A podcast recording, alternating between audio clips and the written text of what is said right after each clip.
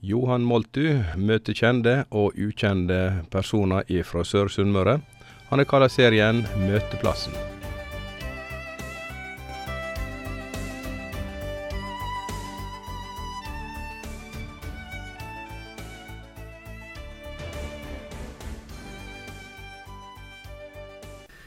Du er heldig, du, Ola. Ja, hva du mener med det? Jeg mener eksempel det at eh, du var gutunge ute i Goksøyringa.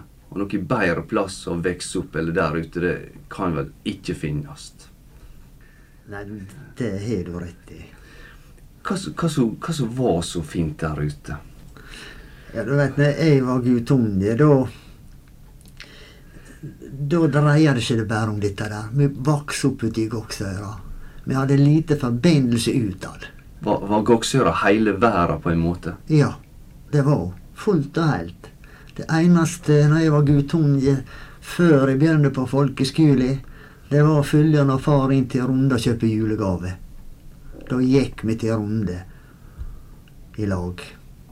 Og ellers der, Ellers så levde vi der ute. Og både voksne og, og bånd var godt fornøyde. Ja, det tror jeg det var. Men mora di, hun eh, var inne i runde. Og hun eh, sa til deg, Ola, av og til at det der er noe jeg savner her ute i goksøyringen. Husker du det? Ja, det husker jeg godt. Hun sa det flere ganger også. Hun sa det nemlig at eh, du aner ikke, Ola, hvor jeg savner sola. Der er fole mye skugge der ute med dere. Og de, du som har levd der hele livet, savner ikke du sola, du, Ola? I grunnen ikke. Det er fire måneder med ikke sol ute i Goksøyra.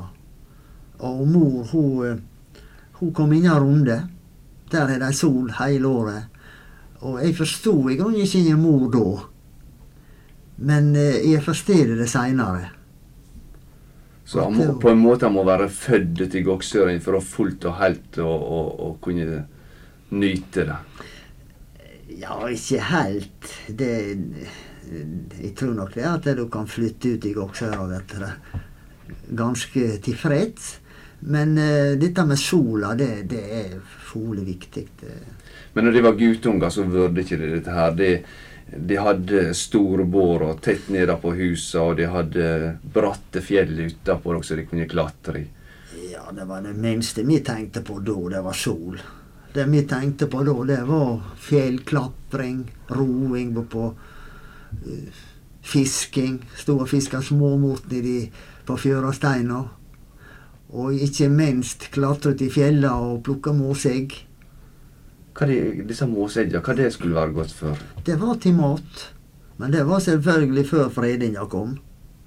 Og måsegga de var veldig gode å ete. Og så plukka vi da skarvegg, og de var veldig gode i mat. Så det var liksom et til sånn du slapp å kjøpe.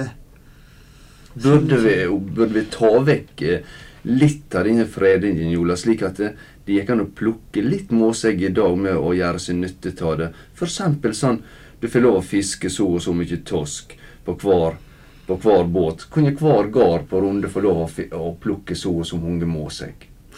Nei, jeg Jeg mener det at eh, hvis det skal være fredning, så skal det være fullt og helt. Og vi var i grunnen glade fordi at det, det kom fredning ut på Runde. Og alle grunneierne sa fra seg retten til å få plukke sjøl. Vanligvis så forbeholder de seg den retten til å få plukke egg, grunneierne.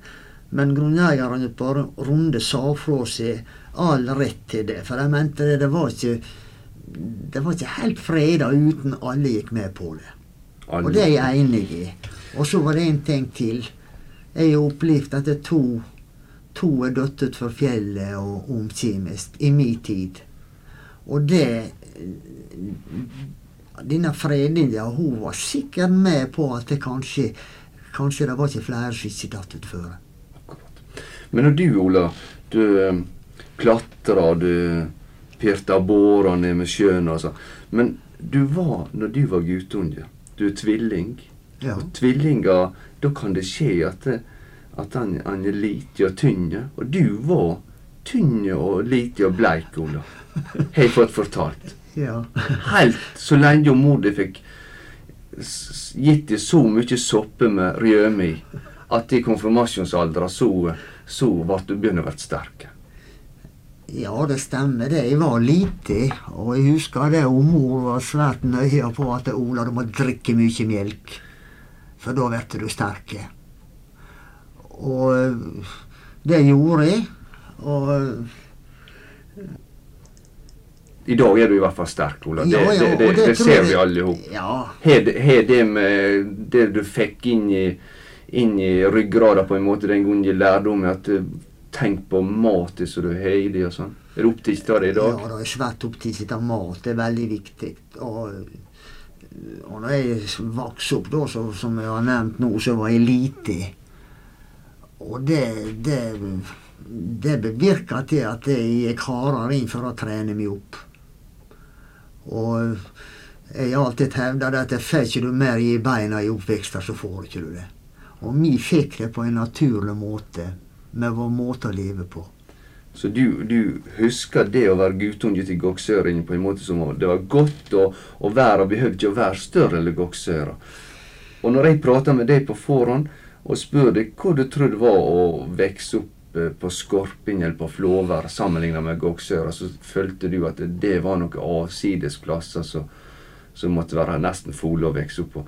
Men er ikke det sannsynlig, Ole, at de som vokste opp der, opplevde det på samme måte som at deres plass var best, og goksører var avsides? Nei, jeg tror det der var Jeg tror de måtte føle mer isolasjon enn vi gjorde på Flåvær og, og på Skorpa. Det er helt sikkert. For vi hadde nå tross alt hver dag forbindelse med rutebåt til Ålesund og fra Ålesund og inn i Fosnavågi. Så det, vi følte ikke at eh, isolert i den forstand. Men det var bare det at du reiste ikke så mye før. Du levde med bånda, som jeg fortalte, vi levde der. Det var verden vår. Og du gikk skole i med? Ja, første to åra på folkeskole gikk jeg i Goksøra. Husker godt første skoledagen min. Så ble verden plutselig stor når du begynner å reise inn til Runde og gå skole. vel? Ja da. Dit gikk vi til fots. Fikk jeg glimrende opptrening i det også. Og Og der inne fikk du begynne å sparke fotball, så du Å ja, i friminutt og og sparka med fotball og uh, I timer inne så sa at det, det var lite du tenkte på lekser og det som foregikk der. Jeg tenkte bare på å komme ut i friminutta og få spille videre fotball. Du, I mange bygder så er det liksom sånn inn at føringene mot utatføringene, eller hva, hva det var som var rette ordene på dette. Det vil være naturlig at i Goksør folk sparker fotball mot Runde. Ble det gjort? Ja. Jeg var f.eks. veldig interessert i sport, og spesielt i fotball. Og jeg husker det landskampene i radio, det, det, det måtte jeg høre. Og så husker jeg at det var noen som fortalte meg at de drev og spilte fotball inn på jorda søndagene.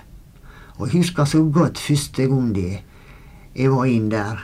Og da sto jeg på sidelinja, fin eh, høstkveld. Og da spurte jeg en som sto der, hvor langt de sparker denne ballen? Sa. Ja, det er fra mål til mål, det, sier en. Og da ble jeg bitt av basilla.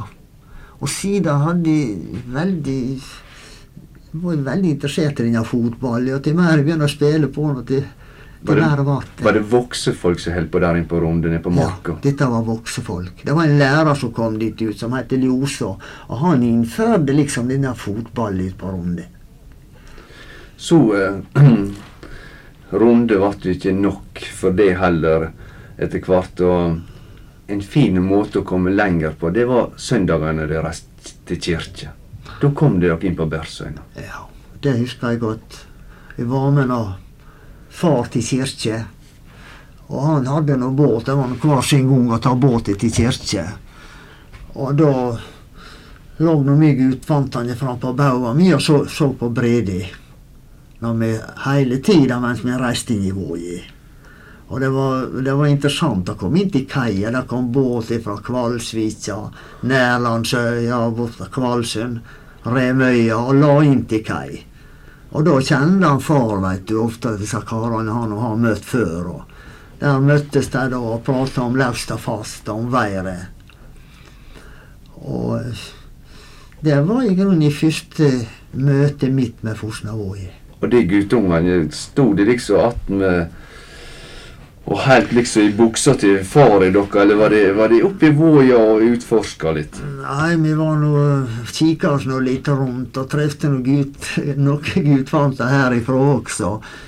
Og du veit hvor guttunger er. De har lyst til å kives litt, og jeg vet ikke hvor det var, men vi følte oss litt provosert etter noen gutfanter som her inne nede i våja. Du, Ola. De brukte av og til å kalle dere rundarulla. Hvor eh, var det, var det provoserende Opplevde du det provoserende? Det var Det var, nei, det var mi goksøringar som kaller de inn i rund, rundarulla. Og de kaller oss goksatulla. Oh, ja, Men ikke utad. Ikke, ikke folk herifra kaller oss ikke det. Nei, ja. Men tilbake til denne der kirkegonga mi. Vi var med noen far fram i kirka, og disse andre guttene der ute, Øystein og Karsten og en gjeng var med. Og vi, far og de gikk nå i kirka, de ja, men da hadde vi andre planer, for vi hadde tenkt å se litt nærmere på disse karene som provoserte oss. Og nivået, ja, det, det enda med, med steinkasting. Og far kommer ned gjennom Voi, og der ser han ser han sønnen sin i full krig. og jeg husker disse, jeg husker disse Vosnavågene, de sto på er ikke det hester det heter der oppe som banken er? De sto på der som banken er, og, og vi ned på vei og kasta stein. Far oppdaga nå dette der, veit du, og huker nå med og sier hva i all verden er det du finner på, gutt? Du må, du, du, du må ikke det slik åt. Være med til kirka og begynne med steinkasting midt under, midt under preika. Det må ikke forekomme seg mer. Og, uh, og det lovde jeg nå. Det skal ikke, og det har Hilde. Du um, Det ble ikke Du nøyde ikke deg bare med å fare til kirke her på Bersøyna. Etter hvert så Enten du eller en annen fikk samla i hop et eh, fotballag ute på Runde som de trodde var folegodt. Ja. Og inn på Børsøyna skulle lære karene hvor dette spillet skulle foregå. Ja, det stemmer. Vi sparka mye fotball, og jeg fikk med meg da de, Han læreren, han, når de faller vekk, så kom noen nye til. Og vi fikk et temmelig godt lag der ute. Og hver søndag så spilte vi fotball Goksøra mot Runde. Og eh, vi fant ut at til slutt at det, dette går ikke an, vi må ut. Og vi har nå fretta at de har et fotballag her inne i Våg at nå skal vi reise inn og ta karene. Og som du sier, vise hvor det skulle spilles fotball. Og vi var vant på gressbane. Og disse her, de spilte da fotball fram på skoleplanen jo på Myklebust. Og jeg Vi avtalte kampdag og reiste inn i Voi. Og kampen foregikk opp opp på skoleplanen.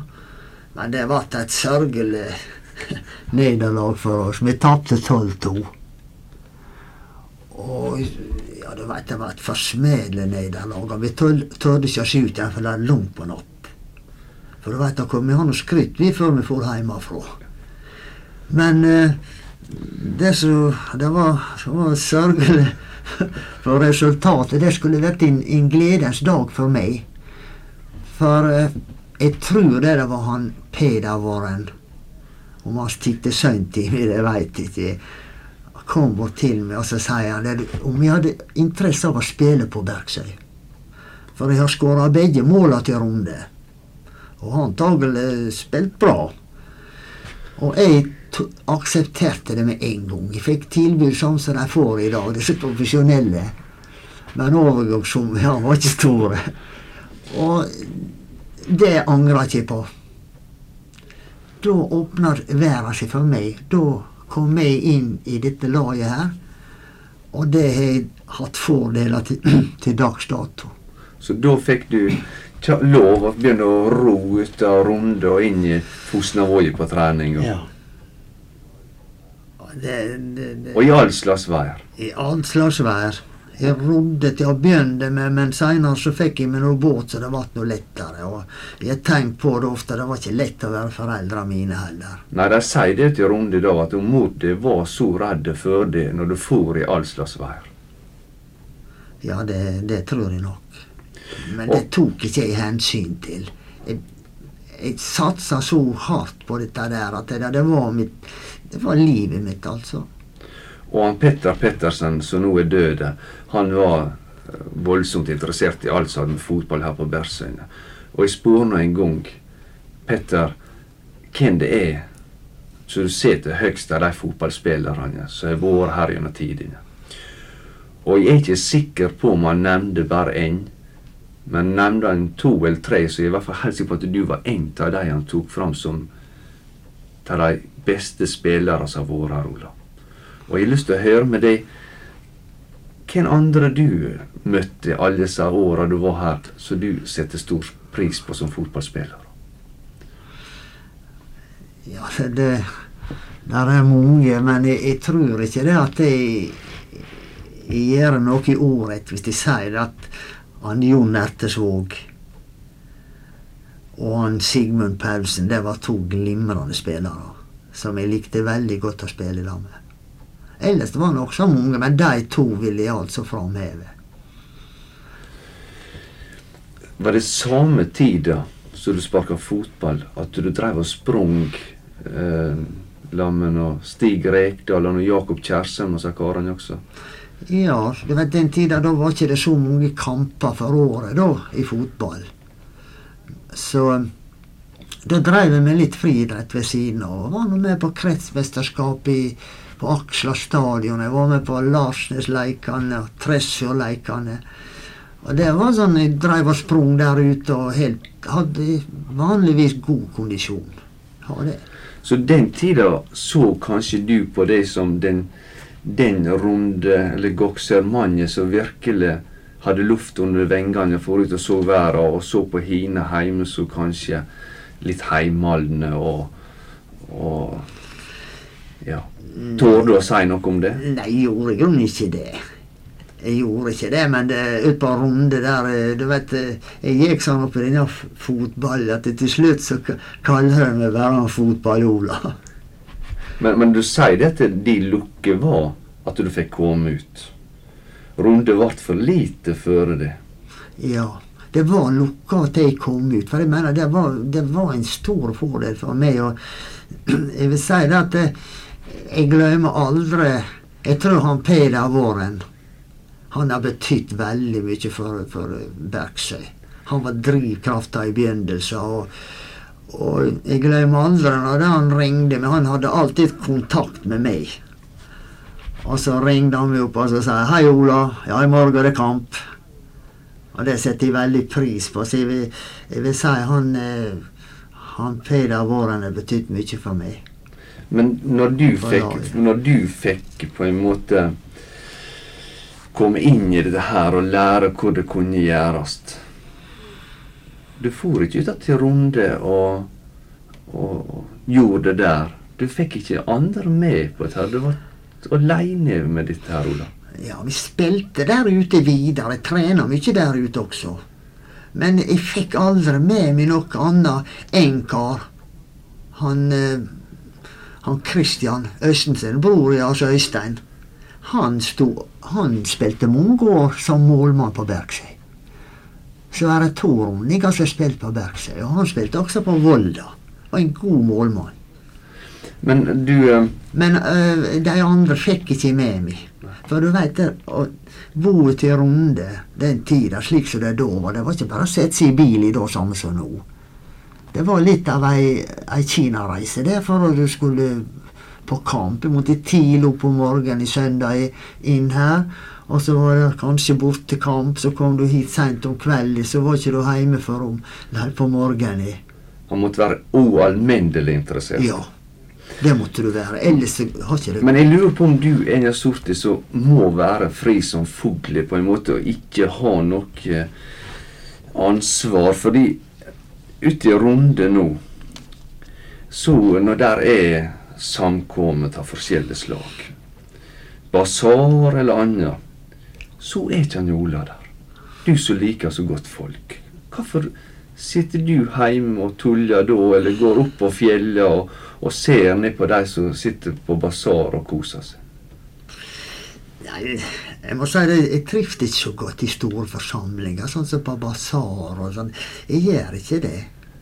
Og, og etter hvert som eh, jeg fikk interesse for både det ene og det andre, dette, gå opp på fjellet og ut i naturen, sånn, så, så ble det sånn at jeg, jeg, jeg likte meg best hjemme. Jeg sitter like gjerne hjemme som jeg går på en fest. Men jeg har lyst til å gå fole, fole nær innpå deg, Olav, Fordi du er Jeg tror du er sterk, og kanskje til og med modige. Og du er aleine. Du er, ikke gift og har valgt å være aleine. Kan det være slik at når, når dere er samla til basar eller annet, så er, er det på en måte de familiefolket si samling, og de som er aleine, føler at det, vi er ikke slett så mye vær, vi, så vi får holde oss litt derifra. Har du noen følt på slike ting? Nei, aldri. Jeg har aldri følt noe sånt. For eh, jeg er ellers i året, sommerstid, altså jeg er sammen med så mye folk. At det ja, Du veit hvor det er sjøl. Du er nå lærer på en, en eh, leirskule. Du er sikkert trøtt når den leirskulesesongen er slutt. Og slik var det med meg også. Sommerstida. Med denne der guidinga rundt. Og da, da hadde du behov for å være aleine. Du, du, du måtte ha litt ro. Men har du følt på det at eh, samfunnet på en måte har lagt et press på deg for at du skulle finne en kvann å leve livet sammen med? Nei, det har jeg ikke gjort. Du har fått lov å, å hatt de gledene av naturen og, og friheten på runde som du har funnet fra den tida du var guttunge. Ja. Jeg har hatt det som plomme i egget.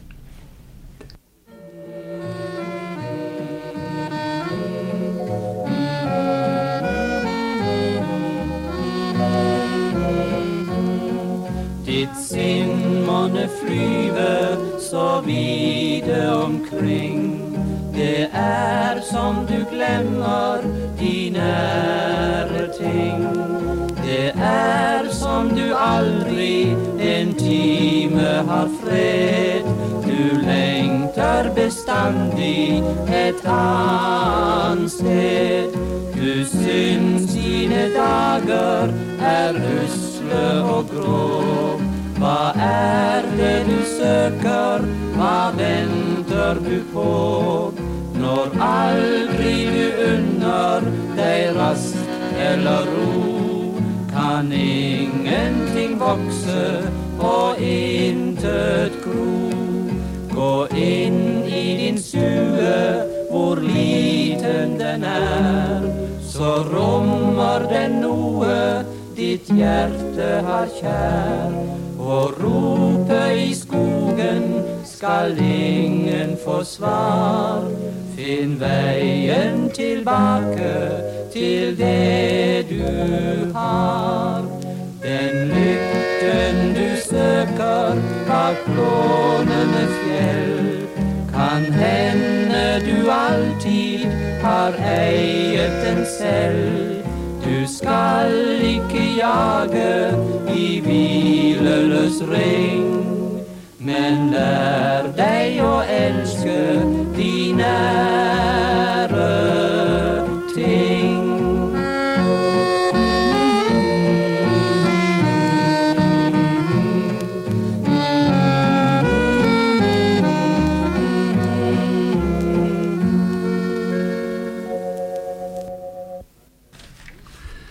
Men Olag Ola Goksør, det gikk ikke an denne tida å leve av å sparke fotball. Du måtte ha et yrke.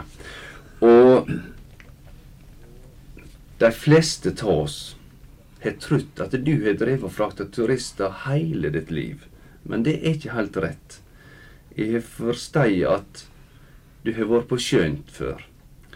Og når jeg spør folk på Runde hva slags sjødrift det var med Ola, da um, sier de det at nei, det er så lenge siden det er noe sannelig ikke sikker på. Så det ordet mitt her nede på bløtkinga der, det er forholdsvis aleine. Så jeg tror du må fortelle meg litt om sjødrifta di. Ja, det var jo slik da jeg vokste opp at eh, jeg var odelsgutt. Jeg skulle ha gård der ute. Og før så var det sånn de dreiv sjøen ved siden av gardsdrifta. Så når jeg var konfirmert, så begynte jeg å var jeg med på, på fiske. Om vinteren var det sildefiske, og om våren da var det tørskefiske. Så det var liksom det jeg dreiv. Og så var jeg med og hjelpte hjemme på gården, og seinere så overtok jeg nå den. Du, der er en vel god sånn laks... eh, mark der ute, og hummermark, hvis det er rett ord av det. Dreier du sånne ting med? Ja. Du vet, vi hadde hver gard hadde lakserett, så det var to lag ute i Goksøra. Som Og vi dreiv da om våren, var det laget til laksevegner, sett ut utfara, og dreiv laks i, og så dreiv vi hummer i. Og før så tida så var det liksom vinje, da. Det om våren, da var det laksefiske. øh, du måtte øh, spade torv. Jeg har vært med på det også. Og år var likt hit. Og, men nå er det blitt litt annerledes. Nå går det fortere og fortere, dette her styret her. Men, men forar og forar Du var nå med på å fiske opp hummer der utenfor Runde? Ja, du kan vel si det. Ja. Var med på det. Så ikke det at dette bar, gale av sted, da? Nei, i grunnen ikke. Jeg gjorde ikke det før det var for seint. Det var en som um, delte køy med det om bord i en båt her under, som heter Havmann. Det um, var vel forholdsvis unge, og han var fole plaga med sjøverka. Og ville prø prø prøve å komme seg forbi det og fram, så han fikk komme opp og få seg frisk luft. Nei, sier han Ola, for du har ikke sjøverk. Skal du spy, så får du spy ned mellom garneringen og madrassen Fole har eh, allerede i, i 16-17-årsalderen, når ikke du bestekompisen din fikk komme fram Nei, Jeg, ville, jeg var trøtt og ville ha ro. Jeg ville ikke ha noe. Det var, mer enkelt å spyne med jeg ville ha. Ja. Det mener jeg. Det stemmer, dette der. Har han fortalt deg det. Ja. Hva kan ikke si hvem det var. Ja, det var en Øystein Øystensen, dette der. Og det, det har jo vært nabogutter og vokse opp eh, som bestekamerater. Jamaldringer. Ja da, det er vi. Ja, godtok det. Han tørde ikke annet. Spydde ned med garnering. Ja, han. Og han eh, valgte nå da sjøen som yrke, og etter tid så eh, slutta du med dette da. Hva Ble du olustet av det? Nei, det, det Ja, i grunnen Jeg har ikke likt så godt å drive i sjøen. Jeg har ikke det. Men jeg gjorde det for, for at du måtte gjøre det for å, for å tjene penger til livets opphold. Men så begynte det da i akkurat 50 å komme turister til Runde. Og han Ingvar Runde, onkelen min, han, han bygde seg da laga til slik at de fikk bo der med nå. Og så trengte de seg folk. De skulle ut i Fugleberget. Og da spør han ofte meg om det er tid, Ola, til å være med dem ut i Fugleberget. Og det hadde jeg selvfølgelig. Og da rodde vi. Hadde ikke båt og hadde god tid. Lå og rodde inn i alle hull. Betalinga hun vet var ikke så store, men hun var nå fornøyd bare med å være med. Og dette der utvikla seg til mer og mer, og som du ser i dag, så er det, er det mye turister som kommer til Runde. Der kom mange flotte damer denne tida til reisende og skulle være med deg, Ola, på disse rundturene. Og du sto der og smilte og sjarmerte disse kjellingene. Um, husker du noe spesielt av dem? Og jeg husker mange. Men eh, det var jo ei spesiell jeg kan fortelle deg om. Og det var en pedagogisk høyskole. Det er samme som lærerskole i vår. Fra Kiel. Kom til Runde. Og det var den tida Sigurd gikk. Og de kom da til Runde. Det var vel ei 30 studenter. Og der var ei ei som heter Helga. Og jeg var nå litt forelska i henne, det må jeg jo si. Og Ja, visste du ikke det med? Eller prøvde du å skjule det til Jeg beste? tørde ikke skjulte det, som jeg alltid har gjort. og jeg husker at hun var med meg hjem igjen, og jeg husker det jeg ga henne ei krone med hull i. Så hun tredde inn på ei snor som hun har kring halsen. Og tok bilder av han oppi haia, veit du, og gjorde mitt aller beste for å at sk- til sjansen skulle bli større. Og jeg husker det, når jeg reiste, så var jeg med til Ålesund. Og jeg var med, dette der la jeg opp på aksla. Det var den tida jeg hadde god tid, da, vet du, og alt dreier seg om i helga. Da. Jeg tror de skrev litt til hverandre også. For to år siden, siste år jeg drev med denne her guidinga, kom jeg hjem igjen en kveld i ellevetida syklende. Og da sto der en tysk bil inn på veia i Goksøra. Retning innover, men han sto stille. Og der satt nok folk, og jeg merka med det de, de, de studerte meg, de så på meg alle hop. Tenkte ikke mer over det. Han de sykla ut igjen og gikk opp veien til der jeg bor, sette sykkel inn i kjelleren. Da var bilen kommet ut i veiende, som jeg sier. Sto nede på veia. Og der kommer ei dame opp veien. Og så spør hun meg helsa på tysk, og spør om jeg kjenner henne igjen. Ja, sa jeg, det gjør jeg. Men jeg har glemt navnet. Og det var hun Helga. Og da, og da kunne hun fortelle noe om kommer med familien sin. Mannen om ikke hadde lyst til å hilse på dem. Og jo da, det hadde jeg. Var nå med dem på vei og hilste på henne. På mannen og på bånda. To jenter og en gutt. Og ei kjekk familie. Og de overnatta på Runde. Dagen etterpå så var de med, med på tur rundt øya. Og da kunne hun fortelle meg det. Det var 26 år siden hun var der. Men nå fikk nå du dette her borti mye prat om hvor det var når hun kom hjem som familie. Kjell, men eh, jeg kunne gjerne tenkt meg å hørt litt mer når du møtte disse her eh, Når du møtte de litt sånn single. Um, var det av og til vemodig å fare ut til Goksøyra og gå opp igjen i huset og være der aleine når du visste at disse her eh, damene kanskje var inne på runde, og du kunne du kunne ha vært der og ja, lager deg et varig forhold til. Ja, nå spør du nå liksom Presser meg opp i et hjørne nå. Ja, jeg må da si, skal jeg være helt ærlig, så, så kom det i tungkalmene. Av og til. Det gjorde det. Men de sier det til det var du som bakka ut. Det var liksom det du ville ikke. Var det friheten, Ola, som var det viktigste for deg? Veit ikke, jeg trefte så mange kjekke damer. Det var vel det at jeg er du klar over det at du har vært en, en helt annen Du har ikke hatt friheter i dag. Du har vært helt annerledes i dag. Hadde du sleidet til Roma, heter det Kjellja der. Jeg tror det at det var bra det gikk som det gikk. For eh, livet mitt har blitt annerledes hvis de stifter familie. Jeg tror det. Ser du en del områder at, du, at livet ditt har vært helt annerledes? Ja, jeg, jeg har fall ikke fått drevet det sånn som jeg har gjort det. Du måtte ha gått på basar. ja, ja vel. ja. Og du kjente før at stova di, huset ditt, sto omala i 20-30 år. Det har ikke du fått tillit til det.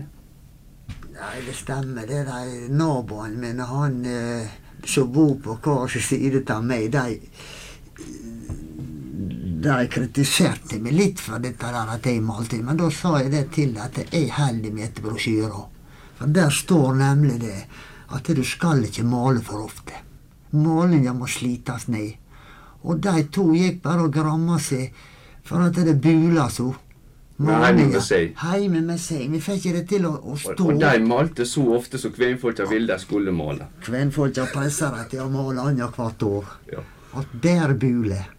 Og da sa jeg det skjer på min nå. Og det året jeg slutta som guide, det året malte jeg opp huset. Nå er det fullmalt. Og malinga sitter, så det er ikke ei eneste boble der. Så det greide å følge brosjyren eller kvenfolka. Ja, men nå har jeg ikke hatt igjen noe av det. Jeg går- stilt i døra, disse karene nå. Når det gjelder dette her å være turistguide, Ola, så er ikke det noe, ikke medan du dreiv, og ikke i dag, så rekker det opp til skuldrene. Du er den store turistguiden på, på Runde. Og jeg vil vite med deg lite grann, når du for rundt med disse tilreisende folk, hva det var de ville helst høre om. Ja, de, vanligvis hadde de lyst til å høre om folkelivet.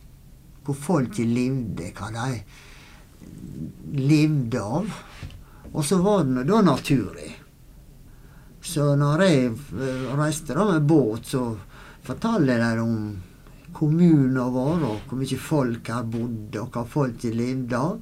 Det var de veldig interessert i. Det er viktig å fortelle dem. Og så var det da når på turen rundt, så dreier seg det mye om natur og fugl og Ja, men altså, Runde er jo kjent for disse her segningene sine og disse her eh, fortellingene som ikke man kan være helt sikker på om de er sanne eller oppdikta. Ja. Vil- Var, var ikke de også Ble ikke de verdsette, eller? Ja, de, var- de var veldig interessert i det, men det viste seg da de fant denne der Rune Skatti.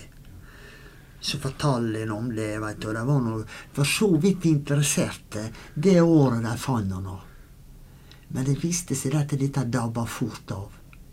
Og jeg har med meg nederlendere er fem år etter de har funnet Rune Skatti. De visste ikke om det. Så det viser seg det at det, denne skatten det var greit med samme de fant den. Men det ble fort glemt. Pengene ble oppbrukt, skatten var vekk. Men skatten var nå en sannhet. Jeg lurer på disse her andre fortellingene som vi hører, som vi kan begynne å lure på. Har du ei sånn fortelling til oss som er i grenseland mellom, mellom sant og, og, og usant? Ja, du vet, når vi var unger, da fortalte han mye om denne Castello Negro. Det husker jeg, det var kveldene når det mørkna i skumringstimen da. Da var det kjekt å høre om denne der Castello Negro fra den spanske armada, som har forlist. Og den skulle ha gått imot røde Tinden, det- dette nes utafor Goksøyra.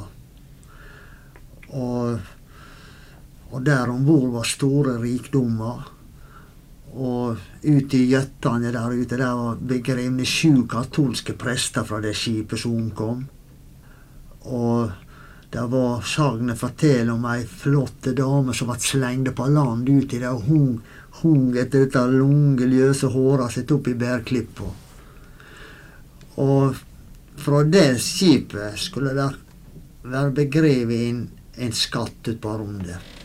Og sagnet forteller det at den ligger gjemt der som sola sender sine første stråler når hun kommer opp om morgenen, og sine siste når hun går ned om kvelden. Og så heites det at det var et tvillingpar som skal finne denne skatten. Og dette likte nå jeg svært godt å høre, veit du, for jeg er nemlig tvilling. Og ofte når mor fortalte så utelet og denne der til slutt. Men da var jeg snar og minnet på hvem det var som skulle finne det. For det ville jeg altså høre.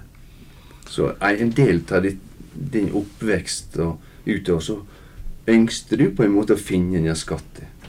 Ja, jeg gjorde vel det som, eh, som ung og, og utover da. Men seinere så har jeg ikke noe interesse av det. Ville ikke du vært gladere, Ola, hvis du fant en stor skatt ute i Goksøyringa? Nei, det tror jeg ikke. På ingen måte. Jeg har nok, jeg trenger ikke mer enn jeg har. Hvis du hadde bil, så kunne du fare mye videre. Nå fer du på en sykkel i all slags vær. Ja, men jeg, jeg, har aldri hatt jeg har aldri hatt lyst på bil. Jeg har ikke hatt bildilla. Og det kom vel av at den tida jeg vokste opp som var ung- unge, da var ikke det biler på runde. Og Så du har det du trenger, Ola. ja. Og ute i stuen så har du et uh, flott stereoanlegg, og der spiller du musikk. Og du har valgt ut ei plate med sånn Hawaii-musikk som du har lyst til at du skal spille. Og hvorfor har du valgt ut det? Ja, den har jeg valgt ut fordi at det var en, en, en Du vet, når vi var unge, da likte vi godt Hawaii-musikk. Det var flott. Og drømte om eh, sydhavsøyer og palmeblad. Og, og så var det en kar ute i Runde som het Idar Runde. Han er fyrmester nå på en fyr nede på Sørlandet. Han var flink å spille, og han, han eh, var hendig og bygde seg en, eh, en gitar til ei rekfjøl som, som han fant nedi fjøra.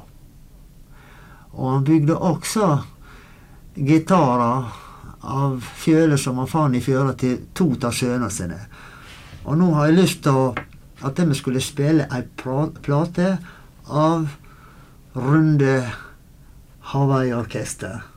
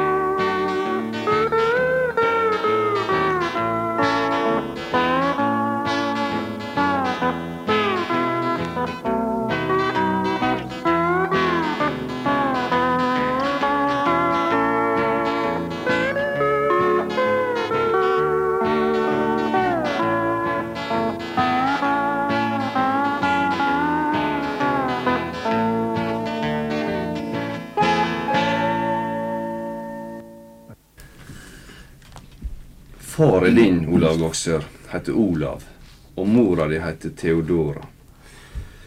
Og de døde for mange år siden. Men i husa der som du bor, der har du en tante Fina. Og jeg møtte en tante Fina før i kveld. Og hun var begynner å nærme seg 90 år. Og ei utrolig koselig dame. Kan ikke vi få vite lite grann om inni tante Fina og hva hun har betydd for deg? Ja, det er i grunnen bare én ting å si om min tante Fina. Hun er i grunnen fantastisk. Og du Jeg har hatt uh,